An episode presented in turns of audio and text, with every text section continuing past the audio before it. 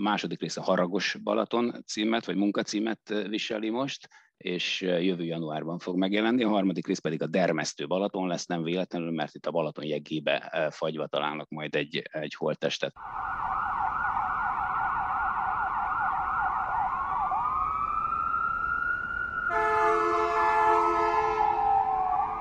Sziasztok, ez a Tangó és Kes, Bezsenyi Tamás, illetve Böcskei Balázs tovább a 24.hu bűnügyi podcastja. Múlt héten beígértük nektek, hogy a Balatonra fogunk egy kicsit kirúcani. Korokon, ügyeken, történeteken, hálózatokon, eseteken átívelően. Aki ebben a segítségünkre lesz, a Zajácdé Zoltán középiskolai tanára Véres Balaton című munka szerzője, aki itt van már velünk. Köszöntünk Zoltán! Én is köszöntelek benneteket és a hallgatókat is nem akármilyen munkáról beszélünk, csak hogyha megnézzük a címlapot, túl azon a neveden három olyan információ van, hogy már rögtön egyébként megterheli a békés mindennapjainkat. Retrokrimi, Véres Balaton és gyilkosság az úttörő táborban. Hát Zoltán, a háromból az egyik nem lett volna elég, így a címlapra téve? Egy olyan kép mellé, ahol épességgel egy, egy lány fekve, hát nem éppen nyugodt. Most a nyugodtnak nyugodt, de nem éppen kívánatos állapotban. Azt hiszem, hogy haldoklás után van már. Lebeg, lebeg a vízen a tó felületén, és valószínűleg nem él már ebből a gyönyörű igaz. fehér ruhájában. E, igen, szerintem elég sokkal lett volna maga a, a cím is. Én ezt éreztem, hogy ez egy rettentően erős cím. Annak idején a kéziratot elküldtem pár kiadónak, és voltak, akik riadtal rögtön visszaírtak, hogy jaj, ez nagyon bizarr. Mármint, hogy a cím nagyon bizarr. De hát persze, de lehetett volna az a címe is, hogy hová tűnt Marion, vagy nem láttátok Mariont, vagy nem tudom, de hát az is kifejezte volna a regénynek a tartalmát valamelyest, de senki sem kapta volna föl rá a fejét. Na most miért lett ebből három ilyen ekkora nagy felkiáltójel? Hát a másik kettő meg a kiadó ötlete mhm. volt. Az egyik az, hogy ez egy trilógia első része, és hogy tulajdonképpen legyen valami közös, ami összefogja majd a, a három regényt, hát ez lenne a, ez lenne a, a retro, a retro krimi. Ez ezért került fel rá a gyilkosság az úttörő táborban, az, az pedig hát ugyancsak a, a kiadó ötlete volt, hogy kicsit még konkretizálja a történetet. Nyilván nem csak úgy általában a Balatonnál történik valami, valami szörnyűség, hanem bizony a nemzetközi gyermekévben 1979-ben Zánkán az úttörővárosban. Természetesen itt van velünk egyébként Bezsenyi Tamás, a, a Tango és Kes tartalomfejlesztési igazgatója is. Ne haragudj Tamás, hogy lemaradtam erről a, erről a köszöntésről, de hát az, az itt a Véres Balatonnak a címlapja úgy lesokkolt, úgy elvitt, hogy, hogy meg is feledkeztem arról, hogy itt azért itt komplex szereplőbrigád van. Úgyhogy szervusz, köszöntelek. Szia, Tomi. Szervusz, én is köszöntelek titeket, és abszolút nem is annyira fontos a, az én megszólalásom, mint, a, mint amennyire már benne van a címoldalban, ahogy itt beszéltek a, el a, az egész kérdéskört, a Raymond Chandleri hangulat az asszonyatóban. Igen. Igen, ez nekem is eszembe jutott. Örülök, hogy nincs sértődés, és tovább is billentette a beszélgetést. Zoli, arról kell egy picit nyitásképpen, hogy anélkül, hogy spoiler, de valamiféle trélert azért fel kellene skiccelnünk azok kedvére, akik még nem olvasták a könyvet, és ezek után egyébként fogják olvasni, hogy, hogy, hogy mitől is lett véres, mitől is, hogyan véresedett be ez a Balaton? Tényleg spoilerezés nélkül. 1979-ben járunk, a Nemzetközi Gyermekévben, amikor az Ánkai úttörő városba, amelyet négy évvel korábban 75-ben adtak át, most kivételesen a Nemzetközi Gyermekév alkalmából nem csak a testvéri szocialista országokból hívnak meg pajtásokat, gyerekeket, hanem olyan nyugati országokból, nyugat-európai országokból is, amelyekben erős kommunista pártok vannak. Ilyen volt ugye például Franciaország, Olaszország, Spanyolország, uh-huh. és ebből a táborból eltűnik egy 14 éves francia kislány, Maria Morel, aki egy tihanyi hajú kirándulás alkalmával, aki ráadásul a francia kommunista párt eh, fővárosi, tehát párizsi titkárának az egyetlen gyermeke. Majd két nappal később holtan találnak a parton, az úttörőváros strandján egy fiatal lányt, aki egy főiskolai hallgató. Ezek a főiskolai hallgatók kísérik itt tulajdonképpen úgynevezett kis tanárként a gyerekeket, és ő is részt vett ezen a Tihanyi hajó kiránduláson, ahonnan rejtélyes körülmények között Maria Morel eltűnt őt meggyilkolják, mint egy ilyen kirakati bábút, mint egy performance kiállítják oda a partra, és kiválják a szemeit, és hogy folyik le a szemeiből a vér a fehér ruhájába, majd elkeveredik innen a Balaton vizével. Hát tulajdonképpen a Véres Balaton cím az innen születik, illetve hogy az egész hajnalban van, amikor a nap ilyen vérvörösen íz, zú fényjel kell föl, és egyébként is a, hát a sugaraival is kicsit gicses kép, de vörösre festi, vagy véresre festi a, a vizet. Az alapkérdés az, hogy van-e egyáltalán összefüggés a két dolog között, tehát ez a, ez a főiskolás lány meglátotta valamit a kiránduláson, amit nem kellett volna, és ezért kellett meghalnia, vagy egyáltalán mi történt, valaki két dolognak köze egymáshoz, ugyanaz egyáltalán gyilkos, mi az összefüggés, és az a legfontosabb dolog, hogy hová tűnt Marion, életben van-e még, meghalt, megtaláljuk-e, vagy sem, és közben fenyeget egy nemzetközi botrány, nyilván talán 24 órán át még lehet titkolni a francia követség előtt a dolgot, de aztán, aztán már nem, és hát ez egy nagyon kiadós politikai botrányjal is fenyeget. Ezért bízzák meg Adorján Mátét, egy fiatal tehetséges nyomozót az ügy felderítésével, mert ő diplomata gyerek, és annak idején az apja Párizsban volt nagykövet, Franciaországban járt középiskolába, ott nőtt fel, és hát az apja révén nagyon jó francia kapcsolatai vannak, és így mindenki ebben reménykedik, hogy ő talán egy picit így, picit így kedvező irányba tudja terelni majd a, a, a történéseket vagy a várakozásokat. Sok minden van ebben a könyvben, a szónak abban az értelmében, vagy ebben a krimiben, bocsánat, hogy nem csak a 70-es évek elevenedik meg egy kicsit, ugye, és én nagyon örültem, amikor olvastam a könyvet, hogy nem éreztem a, a könyven a, a lángosnak azt a tipikus balatoni szagát, tapadását, ami utána igazából nincs az a Kádár rendszerkori, hogy is mondjam, kozmetikum, ami ki tudja szedni, ahogy, a, ahogy az olaj szépen így beivódik így a, a, a bőr alá. Egyáltalán nincsen benne ez a fajta hogy is, hogy a hallgatók ismerik ezt a fajta muszáj retro életérzés, hanem nagyon, nagyon természetesen írod le a balatoni milliót, de azért futkoznak itt a karakterek, mert pártitkárok, a vállalati szférának a muguljai, sajátos sztendáli hősök, akik érdekházasságot kötnek a szocialista előmenetel érdekében, megjelenik ugye itt a vadászat, szóval nem, nem, nem, nem egyszerűen krimit írtál, amiben keressünk egy elkövetőt, meg, egy, meg akár két elkövetőt, vagy egy elkövetőt nem tudjuk, nem mondjuk meg, hanem szükségesnek láttad a francia kommunista párton túlmenően is összepolitizálni ezt az egész kérdéskört. Azt gondolod, hogy a pártállami elitáltal elkövetett bűncselekmények rejtélyebe vannak, fikciós, kevésbé fikciós, realisztikus irodalmakkor kell igazából ezeket felfejtenünk, mert te most egy krimit írtál, de mégis csak egy el nem beszélt történetet meséltél el, mert lehet, hogy nagyon sok hasonló elhallgatás, eltusolás, vagy megoldatlanság, vagy megoldás, direkt nem mondom meg, hogy melyik, mert akkor ugye már spoilerezünk, van a magyar történelemben, vagy a magyar kriminológiában, kriminalisztikában. Mindenféleképpen akartam egy társadalomrajzot is adni, és nagyon örülök neki, hogy azt mondod, hogy ez mindenféle ilyen, ilyen hamis és nagyon áttetsző nosztalgia filterek nélkül sikerült, mert, mert attól nagyon óckodtam, azt nagyon nem szerettem volna, ha, ha, ez, ha ez tényleg ilyen, ilyen lángosos ízű, meg, meg illatú történet lesz. Hát persze, tulajdonképpen én ebben az időszakban voltam gyerek, 79-ben egyébként 13 éves úttörőként magam is ott voltam az Ánkai gyerektáborban, és hát a 80-as évek elején voltam gimnazista, a 80-as évek második felében voltam egyetemista, tehát ezért viszonylag felnőttként is ismertem a, mondjuk a Kádár korszaknak az utolsó tíz évét, és úgy, igen, úgy gondoltam, hogy elég sok titok lappangot még, ami, amiről azért lehet írni, még akkor is, ha nyilvánvalóan ez egy fiktív történet, ezek párhuzamos történetek a valósággal, de ez is a véletlen, hogy például a Sós Lajos féle rendőrgyilkosság az megjelenik a, a történetben, pontosan azt erősítendő, hogy, hogy Hát attól, hogy van egy valós szál, amit annyira nem domborítok ki, mert sokkal fontosabb nyilván az a két fiktív történet, amiről én írok, de attól talán a fikció is egy kicsit valóságosabbnak tűnik az olvasó számára, még ha akkor is, még akkor is, ha természetesen azért ezt, ezt nem hiszi el. És hát igen, voltak ilyen eh, előzmények, nyilván eh, én is, én is ismertem. Az én apám elég magasrangú vezető volt egy állami nagyvállalatnál, mi ennek a nagyvállalatnak a, az üdülőjében nyaraltunk eh, majdnem minden nyáron, és hát a szomszédban ott volt a, egyetlen egy kerítés választott el, mint a regényben, az úttörő meg a vállalati üdülőt, és akkor én gondoltam, hogy, hogy ez a vállalati üdülő történet is keveredjen bele a regénybe, méghozzá úgy, hogy itt nyaral egy lány, Lendvai Laura, aki orvostanhallgató, és eh, a, nagyon érdekli az Amerikában éppen szárnyait bontogató új módszer a profilozás,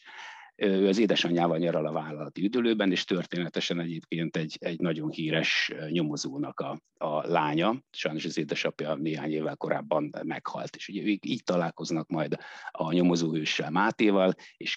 ketten kezdenek el nyomozni ebben a történetben. És hát igen, itt a Fábri Zoltánnak a Gyertek el a névnapomra című filmje is nagyon vastagon benne van. Tehát ebben a Diós díj történetben is ott a vadászháznak a leírásában, meg tényleg ez a, ez a kommunista elit, aki jaktokat, meg szeretőket tartogat, ezek a, az egykori vállalati nagykutyák, vagy minisztériumi nagy emberek, igen, ez, ez, ez rettentesen izgatott ez a világ, hogy, hogy hogyan működött akkor az igazságszolgáltatás, és hogy bizony mennyire el tudtak kenni, vagy el tudtak tusolni hmm. dolgokat. De szerintem ez úgy szól egy kicsit a, a mának is, mert nem akarok direkt módon politizálni, de mondjuk e közé és a, a NER közé elég, elég komoly egyenlőségelet is húzhatnánk akár. Még szerencsé, hogy nem direkt politizálunk.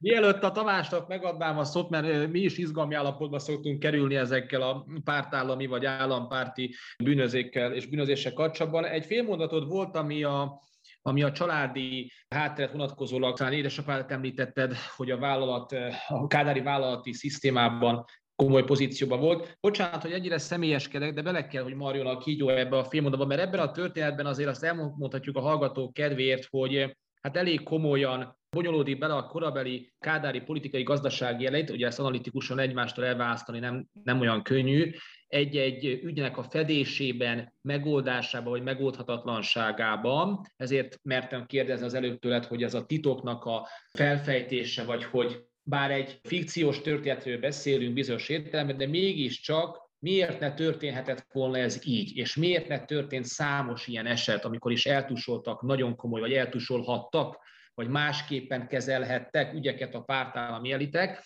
Szóval, amit, hogy kérdés is tegyek föl, ne csak ismételjem magamat, a te életedben volt olyan, amikor megtapasztaltad, hogy a kádári elit képes nem csak könnyebben hozzájutni egy majonészszínű ladaszamarához, hanem hogy adott esetben egy a gazdasági bűncselekményeken túlmutató, mondjuk adott esetben életellenes, vagy éppenséggel rablás, lopás ügyében is úgy képesek a gombócot úgy lenyeletni az emberrel és megoldani ügyeket, vagy félrevinni ügyeket.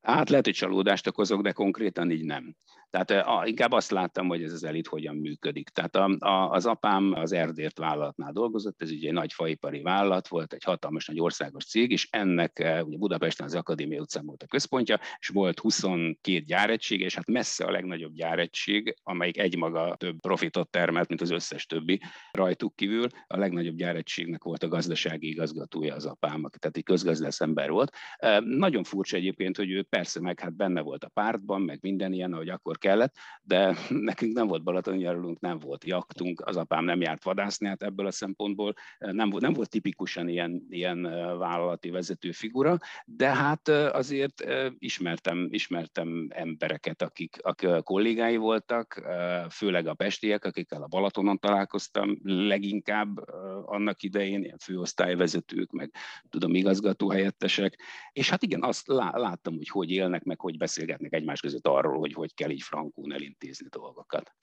Aha. De, de, de ilyen büntény nem, az, ilyen, ilyen, ilyenről nem volt tudomásom. Én, én, én nem csalódtam, mert ezzel legalább egy-két önéletrajzot úgy tudtunk hagyni egyébként, ahogy egyébként azok most vannak, tehát nem baj, hogy most éppen nem horzsoltunk föl titkokat. És akkor a tartalomfejlesztési igazgatóhoz fordulnék a Tango és Kes főmunkatársához, Tamáshoz, például azzal a kérdéssel, hogy rögtön menjünk bele, ott abba hagytuk az előbb az Oltánnal. Mit gondolsz, hogy a pártállami elit,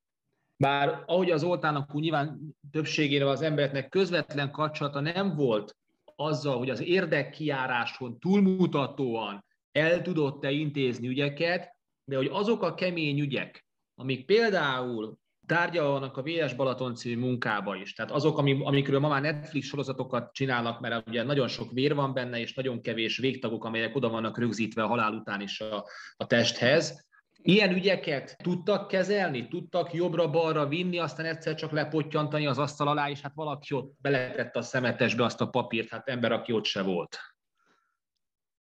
Egyrészt a, az ilyen típusú ügyek nyilvánvalóan óriási kihívást jelentettek a, az akkori igazságszolgáltatásnak körülbelül akkorát, mint amikor te ilyen nagyon szép eufemisztikus megnevezésekkel élsz felém, és szinte már-már a egyfajta ilyen epiteton ornán a, az én tartalomfejlesztési igazgatói státuszom, ami tényleg olyan, mint a leleményes Odysseus, és nyilván ez azért fontos, mert hogy ezekben az ügyekben is az volt a lényeg, hogy hirtelen emberek, rendőrtisztek, vagy adott esetben a nomenklatúra vezető beosztású személyei hirtelen kilettek választva arra, hogy egy ilyen traumatikus eseményben irányító szerepet lássanak el. És nagyon sokszor szembesültek azzal rendőrök, akár fiatal rendőrtisztek, hogy hirtelen elkezdték őket dicsérni, és az ő képességeiket mondjuk úgy, hogy megemelni, és nyilván én csak ezért próbálok itt humorbombonokkal dolgozni, mert hogy ebben van a miénkkel ellentétben egy olyan sajátosság, hogy a rendőrségen belül dolgozó ilyen fiatalok vagy középvezetők és pár év vagy pár évtized rutinnal bíró emberek azért átláttak azon, hogy nyilvánvalóan a dicséret vagy a bizonyos értelemben a megbecsültségnek a jelei mögött az van, hogy szembesülhetnek a problémával, hogyha bármit rosszul csinálnak, akkor lehet, hogy elfelejtik a nyugdíjazási korukig kiterjesztett életvezetést és életpályamodellt megvalósítani, vagy biztosítani számukra. Tehát azért ez nyilván egy nagyon komoly kihívás volt számukra, de alapvetően az, az élet elleni bűncselekményeknél ritkán fordult elő, hogy az általad említett politikai, vagy mondjuk úgy, hogy a, az akkori sajátos szakpolitikai világnak az elvárásai, informális elvárásai alapján ne feltétlenül az igazság kiderítése mozgassa a hatóságot, hanem valami fajta megoldás, valami fajta olyan határozott állítás, amivel egyébként a szocialista igazságszolgáltatáson túlmenőleg a szocialista gazdálkodásnak a normativitását, annak a fajta ideológiai tudástermelésnek a létjogosultságát mutassák be. Tehát ilyen értelemben azt gondolom, hogy a, az Olinak a, a konkrét példája nyilván azért érdekes, mert az élet ellenes bűncselekményeknek ráadásul az elkövetői a valóságban nem feltétlenül művelt emberek, míg egyébként, ahogy ő maga is ugye említi, hogy itt a, tehát az Erdélt vállalatnál dolgozott ugye mind a két szülője. Tudomásom szerint a anyukád ugye ő bérelszámoló volt, míg a így van, apukád így van. ugye személyzeti vezető, majd gazdasági igazgató, ami ugye nagyon jól mutatja azt, hogy a, a cégen belüli és ilyen értelemben az eljárási rendnek a átláthatatlanságában macsétával utat verni képes embereket lehetne, én azt gondolom, hogy azzal igazából szembesíteni, hogy a szocialista igazságszolgáltatás az hogy próbált aktuális céloknak megfelelni, míg a, a, a, Oli által felmutatott történetben sokkal nagyobb a lehetőség arra, hogy a nagyon egyszerű most a nagyon egyszerű alatt azt értem, hogy a nagyon egyszerű motivációjú, emberi motivációjú, tényleg a Biblia óta ismert szerelem, gyűlölet, féltékenység révén magyarázzunk bűncselekményeket, szemben azzal, amit egyébként az Zoli is egy korábban említett, ugye a gyertek el a névnapomra, amit én is mondtam neki, hogy ez egy úgy tűnik, hogy a könyvben számára egy fontos előkép lehetett, amely viszont ugye a Házszentelő című Karinti Ferenc novellának a filmes feldolgozása, ami ugye az első ilyen suspense thriller, politikai thriller Magyarországon, amiben én azt gondolom, hogy egyrészt benne van már az életes bűncselekmény, de ugyanakkor az, az általad föltett kérdés is egy picit legalábbis bontakozik, amennyiben lehetőséget kapunk arra, hogy betekintést nyerjünk abban, hogy a nomenklatúra vezetői hogyan osztoznak, hogyan viselkednek mondjuk a vendéglátóipar, vagy más ágazati szektorok, vagy esetleg a szövetkezeti mozgalom, szövetkezeti világnak a vezetőivel. Igen, itt a regényben is egy elég fontos szempont ez, hogy hogy fogjuk ezt most megoldani, szóval, hogy hogy fogunk most kivakarni ebből. Vagy igen, ez egy, ez egy tehát igazából nem is annyira arról szól, hogy hogy egy bűnös ne büntessenek meg, hogyha esetleg ilyen körökhöz tartozik, hanem hogy ez itt ne kerüljön a nyilvánosság elé. Tehát, hogy ez bizonyos családoknak ez ne okozzon kellemetlenséget, sőt, hát ugye a sajtóban nem jelenik meg Maria Morel eltűnése sem, mert hát, hogy hogy vennék ez magát. Tehát tulajdonképpen olyan bűnügyben nyomoznak a, a, a nyomozóink, a, amely hivatalosan meg sem történt. Viszont ha már ugye említed itt a, egyrészt a külföldi kapcsolatot, akkor csak a, annak a felmutatása az talán érdekes lehet, hogy az igazságszolgáltatáson túlmenőleg a médiának a szerepét azt minthogyha te kevéssé láttad volna fontosnak, noha egyébként nagyon adná magát, gondolom én, hogy az ember, hogyha beleássa magát ebbe az időszakba, akkor mondjuk a Szabó László féle kékfényt, vagy a egyáltalán csak a Pintér István és akár a Kristóf Attila bűnügyi újságíróknak a tevékenységét valahogy bele kalkulálja, valahogy picit belecsempész a történetbe, de ezzel szemben te egy teljesen más univerzumot csempésztél bele, és hogy ez nem tudom, hogy foglalkoztatott-e téged, hogy az egyébként sokkal kézreállóbb, vagy sokkal magától értetődőbb korabeli bűnügyi narrációk, interpretációk helyett egy teljesen új univerzumot teremtettél.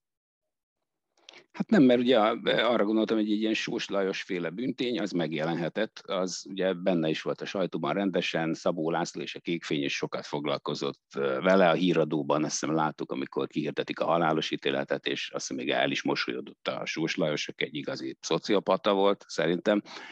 de hogy én, igen, hát én arra gondoltam, hogy ez most egy olyan világ lesz itt a regényben, ahol erről nem, nem nagyon lehet. Ahol a pártbizottság megszabja nyilván a, a rendőrségnek is, ha úgy kell, hogy, hogy vagyis hát azoknak a rendőrségi embereknek, akik szintén a pártagjai, hogy miről szabad beszélni, meg miről nem. Talán van is ott egy ilyen félmondat, ugye, hogy a, a Franciaországban másképp működik a dolog, tehát a francia alapok úgy is meg fogják írni, és e, amikor már kiderül, hogy eltűnt Marion Morel, és a francia lapokból meg azért előbb-utóbb idejön. Hát nem volt még olyan világ, mint ma, ugye egy ilyen internetes világ, de hát azért hírügynökségek, meg egyébek működtek, egy, egy ügyesebb újságíró azért megtudhatott híreket nyugatról is esetleg,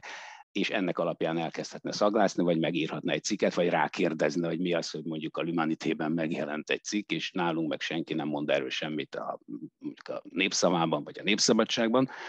De hát mondja ott a marosi főkapitány, hogy még milyen szerencse, kicsit ilyen kuncogva, hogy nincs nálunk igazi sajtószabadság, csak papíron, mert hogy majd, ha lesznek ilyen törekvések, akkor beszélünk a főszerkesztőkkel, aztán le fogjuk szépen állítani. Valóban ugyanakkor egy egészen új elem, amit én nem gondoltam volna, hogy fogunk erről beszélgetni, amikor, a, amikor oda az van a tetejére írva, ugye a könyvnek, hogy retro krimi, hogy egyszer csak megjelenik a profilozás, ugye egy említett ugye fiatal lány esetében, egy pszichiáter esetében. Mi egy másik alkalommal sorozatgyilkosokkal foglalkoztunk itt a Tango és Kes keretében, és akkor már kicsit pedzegettük a profilozást, és mielőtt a Tamáshoz fordulnék az ügyben, azért mindenképpen Zoltántól kell megkérdezni, hogy az, az, hogy te behozod a szocialista világba a profilozást, mint amerikai módszert, ez szólt a te érdeklődésednek, egy kicsit rá akartál világítani, hogy hát a, a kapitalista nyugaton azért már így kutatják, mert hát hiszen ne felejtsük el, hogy ez a profilozás hozza meg egyébként, megint csak, hogy ne spoilerezzünk, az áttörésszerűséget, csak azért mondom, hogy szerűséget, hogy ne áruljam el a olvasóknak, hallgatóknak, hogy az áttörés lesz-e vagy sem, de minden esetre katalizálja. Hát elmozdítja a, a holdpontról a nyomozást, így van. Tehát uh, mi volt a, vagy éppen évőket egy én gondolok túl minden mögött keresek valami nagy dolgot? Nem, nem, nem, nem, nem.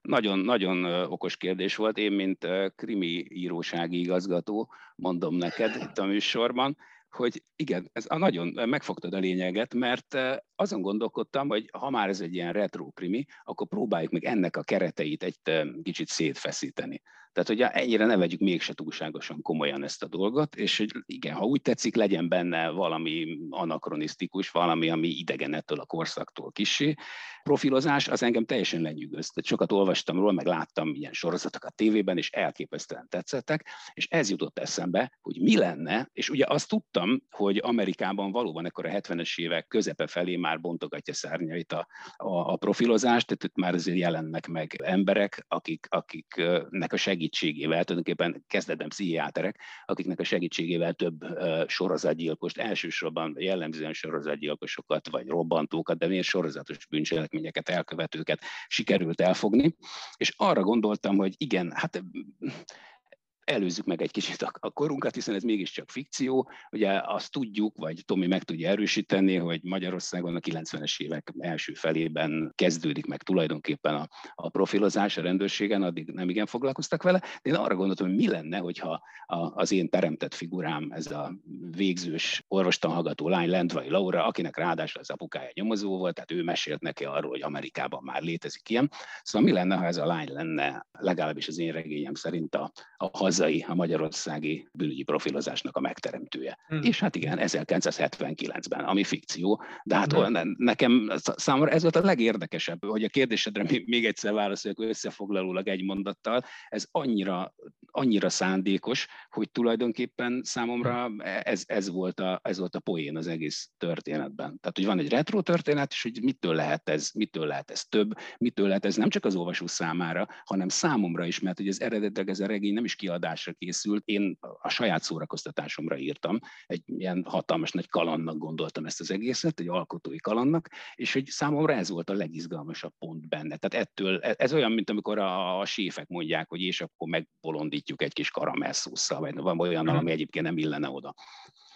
Jó, jó sikerült egyébként ez, a, ez, az, ez az íróasztal. Mi az, amit az íróasztal fölé ész? Na, oké, megyünk is a, arra a dologra, és örülök, hogy igazgatói ciklust is magának gondolta. Hát, hogy ne csak a Tominak legyen. Igen, jogos. Tamás, szocialista bűnügyi profilozás, most az Zoltán elmondta, hogy nyilvánvalóan ez egy fiktív elem mi az oka annak, hogy a, szoci, hogy a profilozás vagy a szocializmusban nem akar ilyen átütő erejű megoldás lenni? Persze, nyilvánvalóan nyugati import, meg, meg hát azért a nyugatnak a, hogy is mondjam, eszközrendszerét és módszereit csak ne vegyük át, de hát hogy is mondjam, azért a profilozás az egy ideológiailag nem egy terhes dolog, tehát nem egy hidegháborús innováció a szónak abban az értében, hogy a, gyilkosok, azok, a gyilkosoknak nincsen pártpreferenciája, mondhatnánk, hát van, de nem érdekes az elkövetés szempontjából, remélem, de hát minden esetre a korban azért bizonyos értelemben a gyilkosok, azok, azok, és én értem a nyugati eszközöknek a behozatala, az nem képezheti annak a tárgyát, hogy itt a kelet meggyengül a nyugattal szemben. Miért, miért, miért van mégis egy ellenállás az intézményrendszer szempontjából a, a nyugati innovációval kapcsolatban? Több összetevős szerintem a válasz. Részben a hidegháborús logika mentén kezdve azt lehet mondani, hogy a pszichológia és ilyetén értelemben annak részterülete a szociálpszichológia, és aztán még beljebb menve a deviancia szociológiája, és egyben ennek pszichológiai vetületei, azok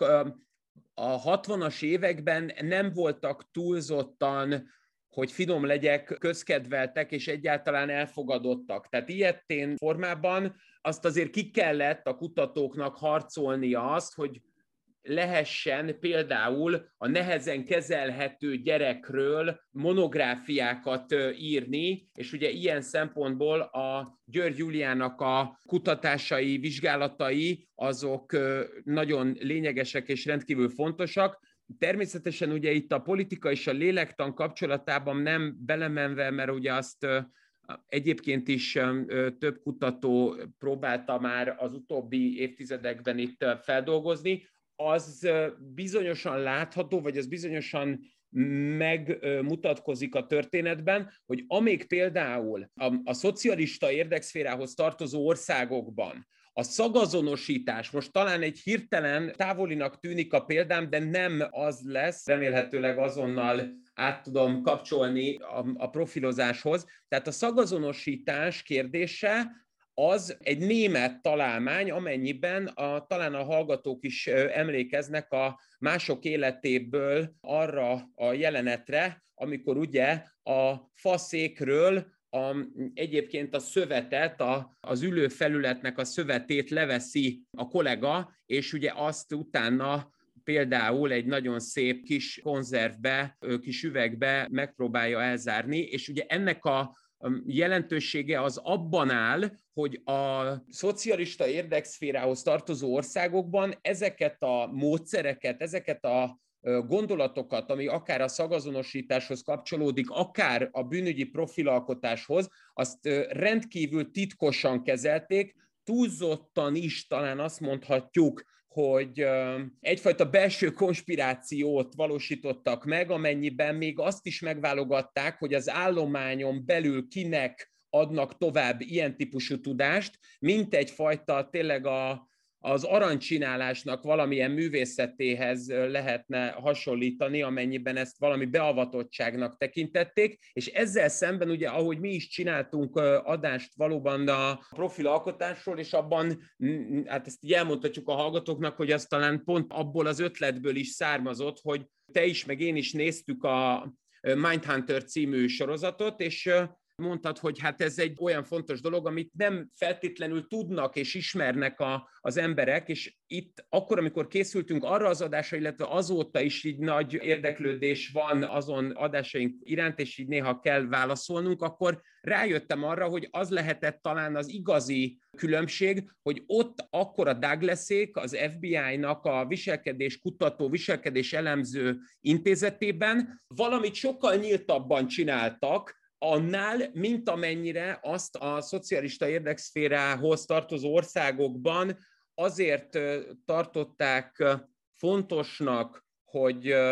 titkolják és valami fajta konspiratív módon őrizzék a, azt a tudást, ami az elkövetői magatartásoknak az értelmezését jelenti, mert abban az esetben, hogyha ezt nem nyitják ki az embereknek, az emberek felé, akkor meg tudják őrizni ennek a módszertanát, nem tudnak a civilek vagy a potenciális bűnelkövetők olyan értelemben csibészkedni, hogy visszaéljenek a, azzal az eszközzel, azzal a lehetőséggel, amit ez a fajta pszichológiai tudás nyújt, miközben nyilvánvalóan ez azért egy nehéz és sok esetben hamis céltételezés, mert ugye talán nem ismeretlen a hallgatók előtt, hogy például poligráf esetében is lehet nagyon finom testi jeleket generálni azért, hogy meg lehessen zavarni az eszközt, és annak ellenére, hogy egyébként a poligráfnak a megzavarása az egy sokkal komolyabb élettani tudást is feltételez, ettől még egyébként ez szétspriccelt, hogy nem feltétlenül voltak erről folyamatosan konferenciák először, és pláne nem került ki a nyilvánosságba, és az, amiről még ugye mi korábban, ahogy ezt a korábban említettem a Mindhunter kapcsán, mi a profilozásról beszéltünk, ott pedig az a helyzet, és ilyen értelemben a Zolinak a könyvében is a Laura karaktere, a fiatal orvostan hallgató lány, aki ugye Ed McBain-t olvas, és egyben profilozásos könyveket is, az arra mutat rá, hogy itt igazából egy exploratív, egy feltáró jellegű kutatás előtt áll az emberi társadalom, tehát simán meg lehet ezt osztani a széles szűk rétegével a nyilvánosságnak, hiszen még mi magunk sem tudjuk pontosan, mint szakmai grémium, hogy mit is akarunk föltárni, mit is takar a profil lehetősége mögött az a többlet, amiből aztán természetesen próbálunk megoldásokat teremteni magunk elé a, az igazságszolgáltatásban. Tehát ilyen értelemben, hogy egy zárókövel lerövidítsem, azt lehet mondani, hogy ahogy már sokszor használt példánkban, a Szemtől szemben című filmben a bűnöző az egy zárkózott karakter, a rendőrtiszt Vincent Hanna egy nyílt és a saját problémáit bátran feltáró ember, ilyen értelemben a, a szabad világ képviselőjeként feltüntetett amerikai igazságszolgáltatás az ezt a módszert valósította meg, és nyilván ezért voltak látványosabb sikerei. Értem. Az benne még, a, amire visszafordulnék Zoltán felé, hogy miért tetted ezt bele épességgel egy, egy pszichiáter, egy lány pszichiáter a szerepével. Érdekes módon egyébként ugye a Mindhunter-t idézte Tamás, és nem véletlenül idézzük, hogy ott abban is ugye van egy folyamatos módszertani vita tulajdonképpen a szereplők között, és van egy nagyon erős női karakter, akiről néha én magam sem tudom eldönteni, hogy támogatója a projektnek, mármint ennek a fajta új profilozásnak, igen, igen, igen, igen. pedig kritikusa, a Tamás biztos meg fogja mondani, hogy mi a karakternek a neve, illetve az őt játszó színésznek a születési helye, de lehet, hogy még egyébként a szüleit is el fogja mondani, de nem az érdekel, hanem sokkal inkább az volt, hogy miért egy fiatal lányba tetted bele ezt a, ezt a karaktert. Mondtad, hogy nem véletlen a bűnügyi profilozás behozatala reflexió a szocialista valóságra. Van ennek jelentősége, vagy megint csak én, én gondolok valamit tud, aztán mégis valamire rávilágítok? A Mindhunter nekem is az egyik nagy kedvencem, de ez a kézirat, ezt tudnotok kell, hogy 2018-ban született, tehát akkor még szerintem a Mindhunter nem is eh, nem volt, ez későbbi, tehát utána, utána láttam. Igen. Hát, eh, hogy miért, miért lány? Azt akartam, hogy valami, valami nagyon kívülállónak tűnő és fiatal is, és ilyen értelemben nagyon civil legyen tehát um, én itt Magyarországon, meg hát egyébként is fikció az egész, de ha már, ha már fölépítettem egy ilyen fikciót, akkor úgy gondoltam, hogy, hogy ennek a figurának valami, valamilyen kedves megszállottnak kell lennie, és ez, ez a megszállottság ez szerintem leginkább a fiatalokra jellemző. Tehát ezért gondoltam azt, hogy legyen egy, egy utolsó éve előtt álló, tehát most ötöd év után vagyunk, és éppen nyáron nyaralnak, és még vár rá egy utolsó év az Orvostudományi Egyetemen, tehát nem sokkal a diplom előtt előtt álló egyetemista, akiben rengeteg tűz van, meg, meg rengeteg tudni, és nagyon tud lelkesedni, és nagyon bele tudja magát lovalni dolgokba. Szerencsére azon kevesek közé tartozik, de épp ezért, mert ugye jó nevelés kapott egy, egy budai lányról, van szó, jó családból való lányról, ezért aztán nyelveket is beszél, és hozzájut olyan szakirodalomhoz, mert nyilvánvalóan hogy lenne magyar szakirodalma ennek, amikor Magyarországon az egészről nem is akartak tudni. Szóval ő angolul és németül is olvas, és ezért hozzájut bizonyos szakirodalmakhoz, és hát legyen egy ilyen indítatás, ez meg egy nagyon fontos, hogy, hogy rajongásig szerette az apját, aki, aki nagyon fiatalon meghalt, tizenéves volt a Laura, amikor, amikor elvesztette, és ő egy legendás hmm. nyomozó volt, ahogy mondtam, és ez tulajdonképpen, mint motiváció, ez is benne van, és viszi a történet tovább. Tehát van egy, egy lány, aki rajong az apjáért, aki nyomozó volt, és beszélt neki arról, hogy ez a dolog létezik, tehát beszél neki Douglasékről, beszél neki James Brasserről és a többiekről. Ugyanakkor pedig, hát igen, szóval fiatal, mindent tudni akar még, még ott áll előtt a szakmot, tele van becsvágyjal, meg legfőképpen érdeklődéssel. Emiatt is, mert hogy apja és lánya, a másik pedig, hogy mindenki, hát ez most nem titok, de hát egy, minden ilyen regényben nagyon szerencsés dolog, ha van valamiféle szerelmi szál, tehát hogyha van egy, egy férfi főhős és van egy női főhős, akik között, tehát valami, valami szikrának ott, ott meg kell jelennie, tehát ebből a szempontból is fontos volt, hogy ez egy fiatal lány legyen, mert hát kibe másban szeretne bele a Dorian Máté majd. Tamáshoz fordulnék, és azzal a kérdéssel, hogy van a könyvben egy az egyik nyomozati szál ugye egy holtan talált lány esete, akit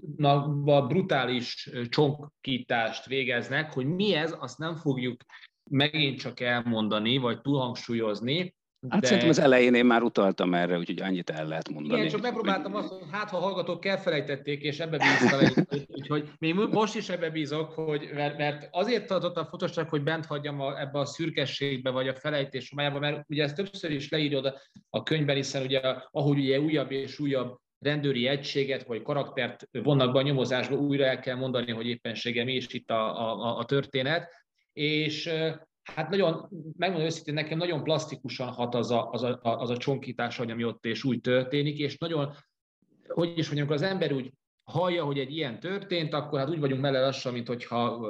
kijövünk a WC-ből, akkor ki kell utána szellőztetni, legalábbis jobb helyeken azért nem baj, hogyha ezt is megeresztik. Van, ismerek attól, ez nem szokás. De itt viszont, amikor leírtad ezt a szövegben, akkor nagyon erősen magam elé képzeltem, és a brutalitás a dolognak, amihez úgy mindennapokban hozzá vagyunk szokva, Netflixileg, meg mit tudom én, mi ügyileg, így amikor az ember egyszerűen papíron látja ezt a történetet, és magának kell elképzelnie, akkor sokkal erősebben megütött ez a kép. És itt a Tamáshoz szeretnék fordulni, hogy a szocializmusban a brutális bűncselekmények is, most nem a sorozatgyilkosoknak, hogy is mondjam, a kispályáira értjük, akik ugye, hanem akik, ez a nagyon kemény csonkítás, ez a, amikor tudjátok, hogy a befordul a rendőr, és már fordul ki, hogy úristen, ezt nem nézni, az mennyire volt jellemző a szocializmusban, mennyire, me, hány ilyen nagy ügy volt, voltak ilyen nagy ügyek, vagy úgy vagyunk, mint a könyvbe, két szállal, a pártállam és annak nyilvánossága dugdossa az egész ügyeket jobbra-balra, közben itt, itt egy, itt, közben az alkatrészek, ugye, hogy a Mucsi mondja, az egyik ilyen kapapepében szanasz szét vannak tulajdonképpen, tehát itt a csókítás, meg a, meg a brutalitás eközben azért igenis, hogy is mondjam, a sajtónak a kevésbé az oldal szélére, de oda illene, meg kéne ezekről számolni, vagy lefolytja a politika, mert hát a szocializmusban ilyen brutalitás. Hát miről beszélsz? Valóban a szocializmus a saját maga ideológiai tudástermelésén túlmenőleg azt a fajta ideológiai tükröt, amit saját magával szemben támasztott meg, amiben ő maga szeretett volna tetszelegni, az nem tette lehetővé, hogy ez meg lehessen mutatni, hogy ez megmutatkozódjon, és ez azért ilyen finomkodva mondom, mert ugye nagyon kevés ilyen ügyünk van, szerencsére. Alapvetően talán egy korábbi adásunkban egyszer már említettük a Láposi Lőrincnek azt a munkáját, amikor a Vedres Gézával közösen azzal foglalkoztak, hogy a holtest feldarabolásával eltüntetett vagy eltüntetni szándékozó emberülési ügyeknek az összegyűjtése az megmutatta azt, hogy hát azért minden dekádban, vagy minden évtizedben legalább egy ilyen ügyünk azért van, ha sajnos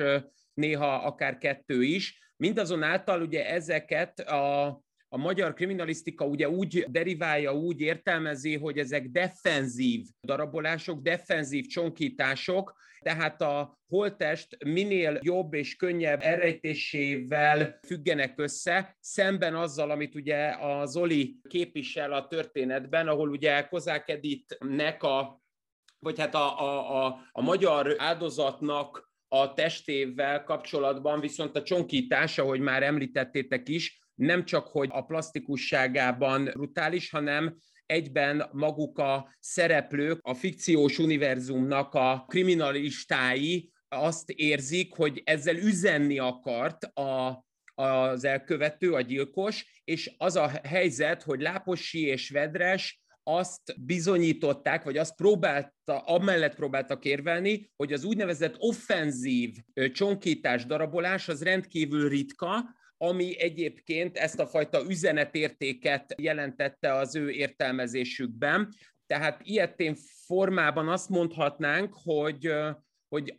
már csak azért sem volt igazából nagy probléma ez a szocialista igazságszolgáltatás vonalán, ez a, a csonkításoknak a részletgazdag bemutatása, mert alapvetően nem elsősorban és nem feltétlenül olyan perverziókkal szembesültek az igazságszolgáltatásnak a képviselői, ami mi elgondolkodtatta volna őket az, az ügyben, hogy talán ennek egy részét nyilvánosságra kell hozni. Tehát azzal, hogy ők maguk is látták, hogy ennek van valami fajta, még ha perverz, de funkcionalitása szemben valamilyen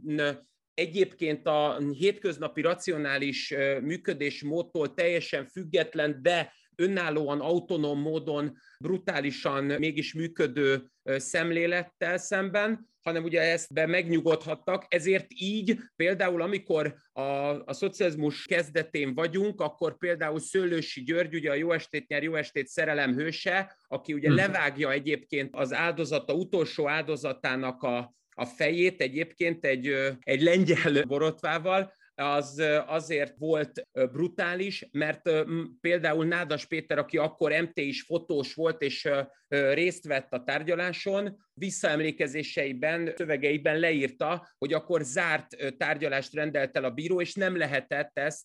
hallgatnia a közönségnek, a, ilyen értelemben a nagy érdeműnek, és a későbbiekben pedig, amiket ugye a láposség csináltak, abban megint csak ez derült ki, hogy az a fajta a Mindhunterhez hasonló, vagy akár itt talán még a, az, az idősebbek kedvér még mondhatjuk a hetedik című filmet, mint egy, a sorozatgyilkosságon túlmenőleg a szinte már perverz művészi önkifejezéses csonkításnak a mintapéldányát, az igazából ritka volt, és ezért nem hiszem, hogy igazából rászorult volna az igazságszolgáltatás arra, hogy ezt elhallgassa,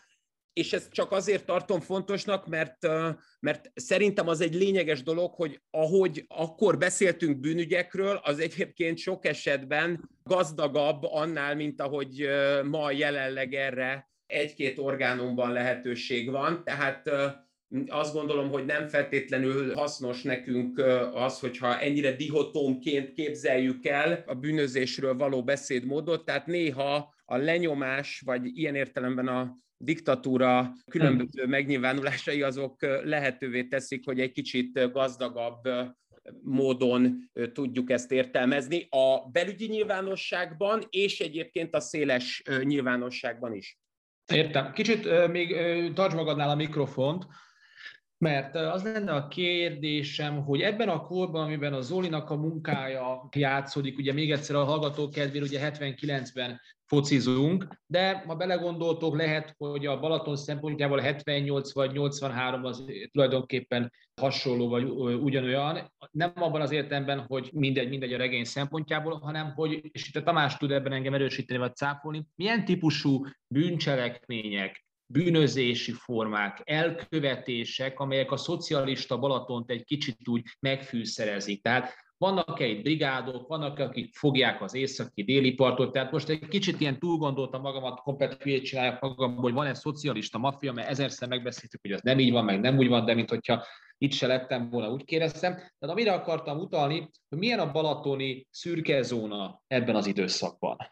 Hát itt kételen vagyok a legnagyobb hatásmechanizmussal élni, amit tudom, hogy már egy köztünk lévő folyamatos diskurzusnak az alapja, amennyiben nyilvánvalóan ötvös csöpi filmeken keresztül lehet sokszor a hallgatókat közelebb hozni ehhez a balatoni világhoz. Nyilván azért mondom ezt egyébként, tehát a csöpi filmeket, mert abban valamennyire azért a sorozat egészét nézve kirajzolódik az a gondolatkör, hogy a legtöbb csibész az elsősorban lepofozásban és egy-két ego túlhangsúlyozásban rejlő verekedésben tudja magát hát elhelyezni az éjszakai életben, de valódi olyan drasztikus életellenes bűncselekmények nem fűszerezik azért szerencsére ezt a világot. Egyébként van is ilyen városi sétánk, ahol egy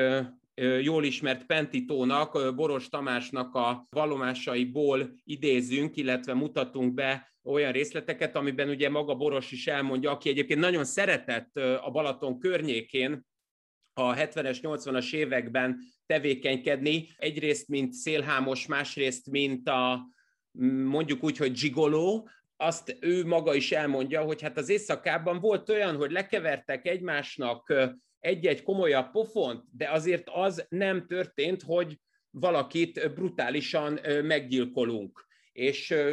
ilyen értelemben én is azt mondanám, hogy itt a legfontosabb az inkább a valuta, a valuta váltásnak az illegális formái, és természetesen a vendéglátáson keresztül a csempészáruknak a bevitele a formális gazdaságba, a uh-huh. butikoknak és a vendéglátóipari egységeknek, szórakozó helyeknek a kínálatába. És az, amit meg felvetsz ilyen értelemben, hogy persze itt élet elleni bűncselekményekről beszélünk, azoknak a legnagyobb része általában vagy olyan családi, vagy olyan deviáns élettársi kapcsolatnak voltak a következményei, amiket, ha nehezen is tudtak föltárni, az elsősorban inkább a, annak volt köszönhető, hogy egy, egy szeparált világban élnek a, ezek a gyilkosok, és egyáltalán nem azt a fajta nagyvilági életet gyakorolják, a, mint amit egyébként egy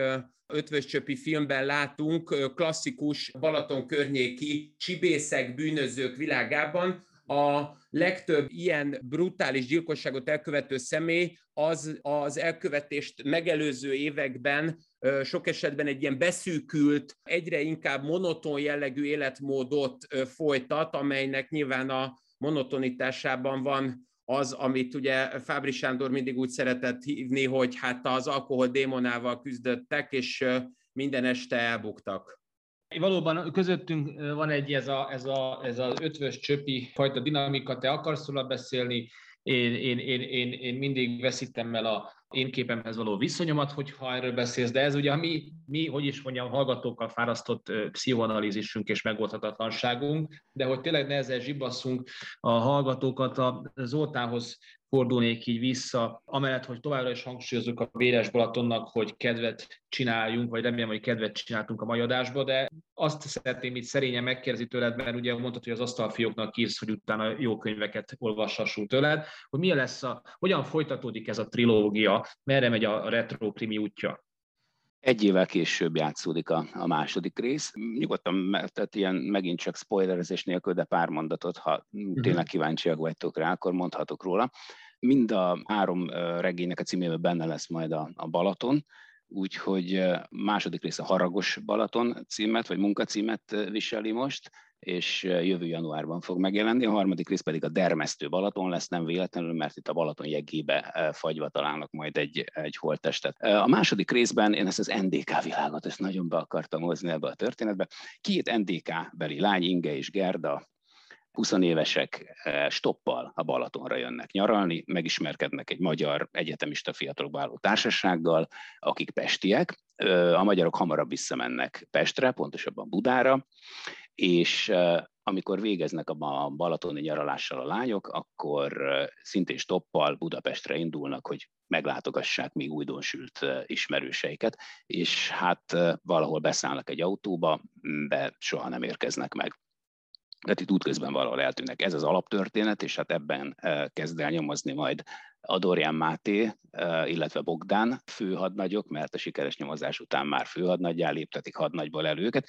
Laura pedig már éppen végez az orvosin, és Lipót mezőn az elmegyógyintézetben kezd el dolgozni, és továbbra is tanácsot ad szívesen a rendőrségnek, különösen Máténak és Bogdánnak.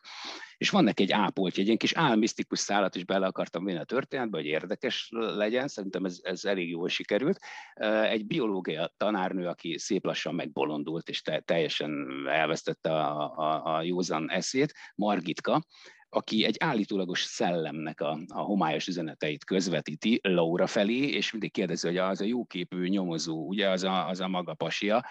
hát igazából a szellem neki üzen, úgyhogy hívja előtt is, mert neki kell átadnom az üzeneteket. És akkor ilyeneket mond például, ugye, homályosan, mint Pűtia, ugye tudjuk a, a Delfoi Jósdában, azt mondja például, hogy a germán istenek siratják lányaikat, szőke és barna, szőke és barna. Na most hát ugye két egy szőke és egy barna hajú NDK-s lány tűnik el. Aha. Tehát a germán istenek siratják lányaikat, szőke és barna, szőke és barna, ez, de hát nyilván ez elfut így a, a Máté füle mellett, meg hát egyikük se gondolkodik misztikusan, nagyon is, nagyon is materialisták, Laura is, meg a Máté is, ez micsoda zagyvaság, meg baromság. De az a lényeg, hogy egyre több ilyen homálos utalás, tehát és mindegyik bejön, tehát utólag mindig rájönnek, hogy a, tehát olyan, mintha a Margitka valamit tudna a lányok sorsáról, meg erről az egész történetről. De hát hmm. honnan tudhat erről egy bolond nő? Nyilván ezt most nem fogom elárulni, de ez, ez egy nagyon izgalmas dolog lesz benne, és hát tulajdonképpen nem misztikus mert én magam sem hiszek ezekben, tehát igazából nem misztikus a, a megoldás, de ez például egy nagyon érdekes vetülete lesz mhm. a, a történetnek. A harmadik rész pedig nagyon-nagyon röviden, ott pedig a Balaton jegébe fagyva találnak egy holttestet, akiről kiderül, hogy az Aeroflot szovjet légitársaság Pesti 5. kerületi belvárosi irodájában dolgozott, méghozzá azért, mert ő Észtországból származik, Tallinnból, az anyukája magyar, az apukája pedig észt, és ugye beszél magyarul, ezért többek között ide küldték Budapestre az egyik dolgozóként az Aeroflot irodába, és hát az ő holttestét találjuk meg belefagyva Balatonba, és ez majd elvezet bennünket az észt függetlenségi mozgalomhoz. Aztán, hogy végül is lesz-e köze a halálának ehhez, vagy sem, de ő futár ebben a történetben, ennyit el lehet árulni. Azt tudjuk, hogy a Morotov-Ribbentrop egyezmény után ugye a Szovjetunióhoz eh, kerülnek a balti köztársaságok, és aztán orosz barát kormányt ültetnek az észtek nyakára, a valódi észt kormány pedig emigrál, és ők 1992-ig Stockholmban egy ilyen másik kormány, tehát alternatív kormányként működnek. 92-ben már elveszíti a dolog a létjogosultságát, hiszen szétesik a Szovjetunió, újra önállóak lesznek a balti köztársaságok is, de valóban volt egy, egy ilyen emigráns észt kormány eh, Stockholmban,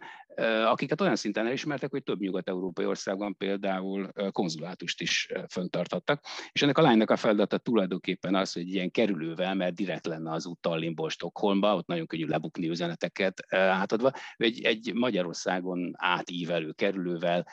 tulajdonképpen a, a, az, a, az észt ellenállók, vagy a függetlenségi mozgalom és a, a stokholmi észt emigráns kormány között üzeneteket közvetít. És Aha. megjelenik majd egy nagyon érdekes figura, Irina Grigorenko, orosz nyomozónő. Hát az oroszok nem bíznak a magyarokba, és ide küldenek egy nyomozónőt, aki majd a Bogdán főadnagyjal együtt kezd el nyomozni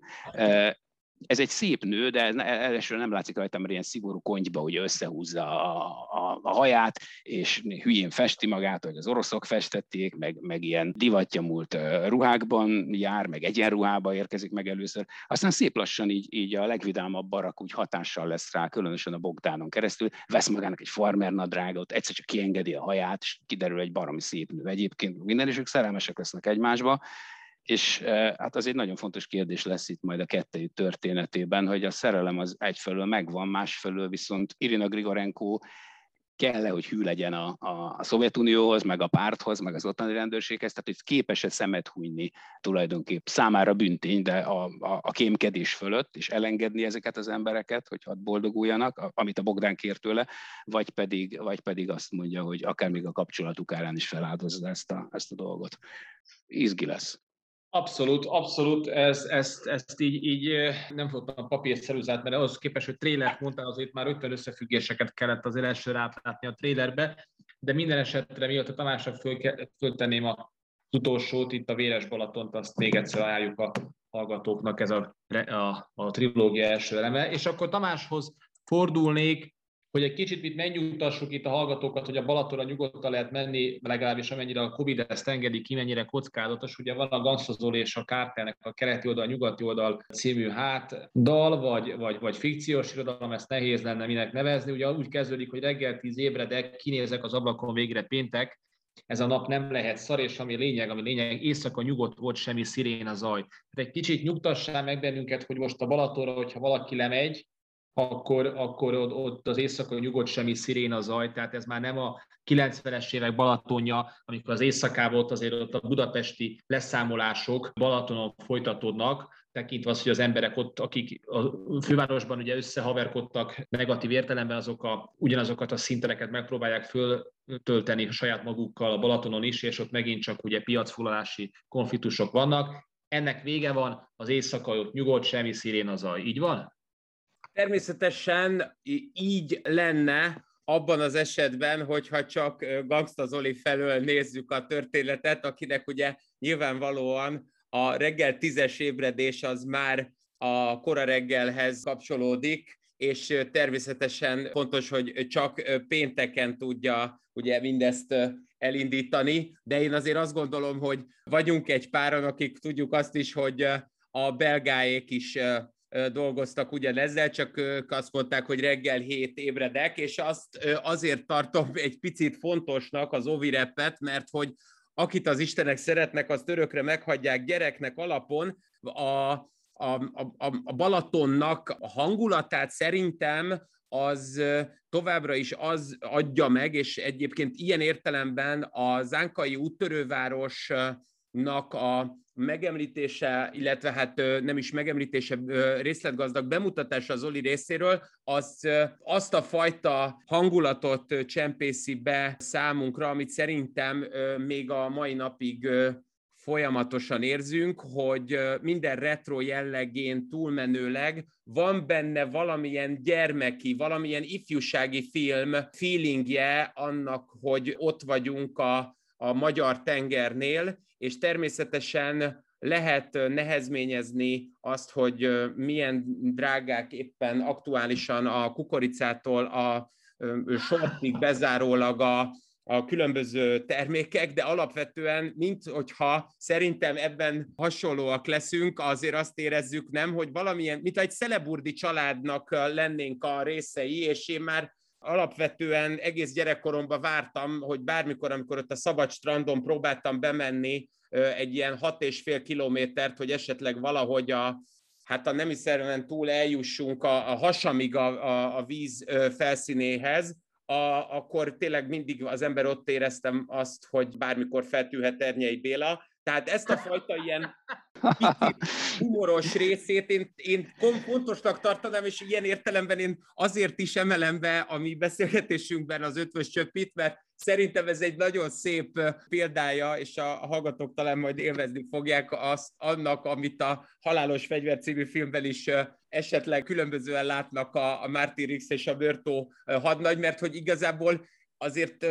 igazad van abban, hogy a, az Ötvös Csöpi filmben is azért ugye milyen figurákat lehet találni, ugye emlékezhetnek talán a hallgatók, ugye Dózsa László karakterére, akit már egyébként akkor Bújtor István azt mondta, hogy hát ez csak egy tihanyi strici, ott pöffeszkedik mindig a strandon, és hát minthogyha tényleg valahogy a legfontosabb karakterábrázolást azt megpróbálta volna meg is tartani Dózsa doktor, miközben egyébként ott van Boros főhadnagy, ugye Bodrogi Gyula, aki természetesen a Medvecki Ilonához való folyamatos kapcsolódással ugyanezt a fajta indokolatlan és indisponált magatartást valósítja meg, amit ugye nyilván mi magunk is elszenvedtünk, talán mindenkinek van egy ilyen története, amikor már azt gondolta, hogy a megfelelő szavakkal tud dolgozni egy hölgy felé, és kiderült, hogy nem, igazából sikerült már egy teljesen más vonalon hülyét csinálni magunkból.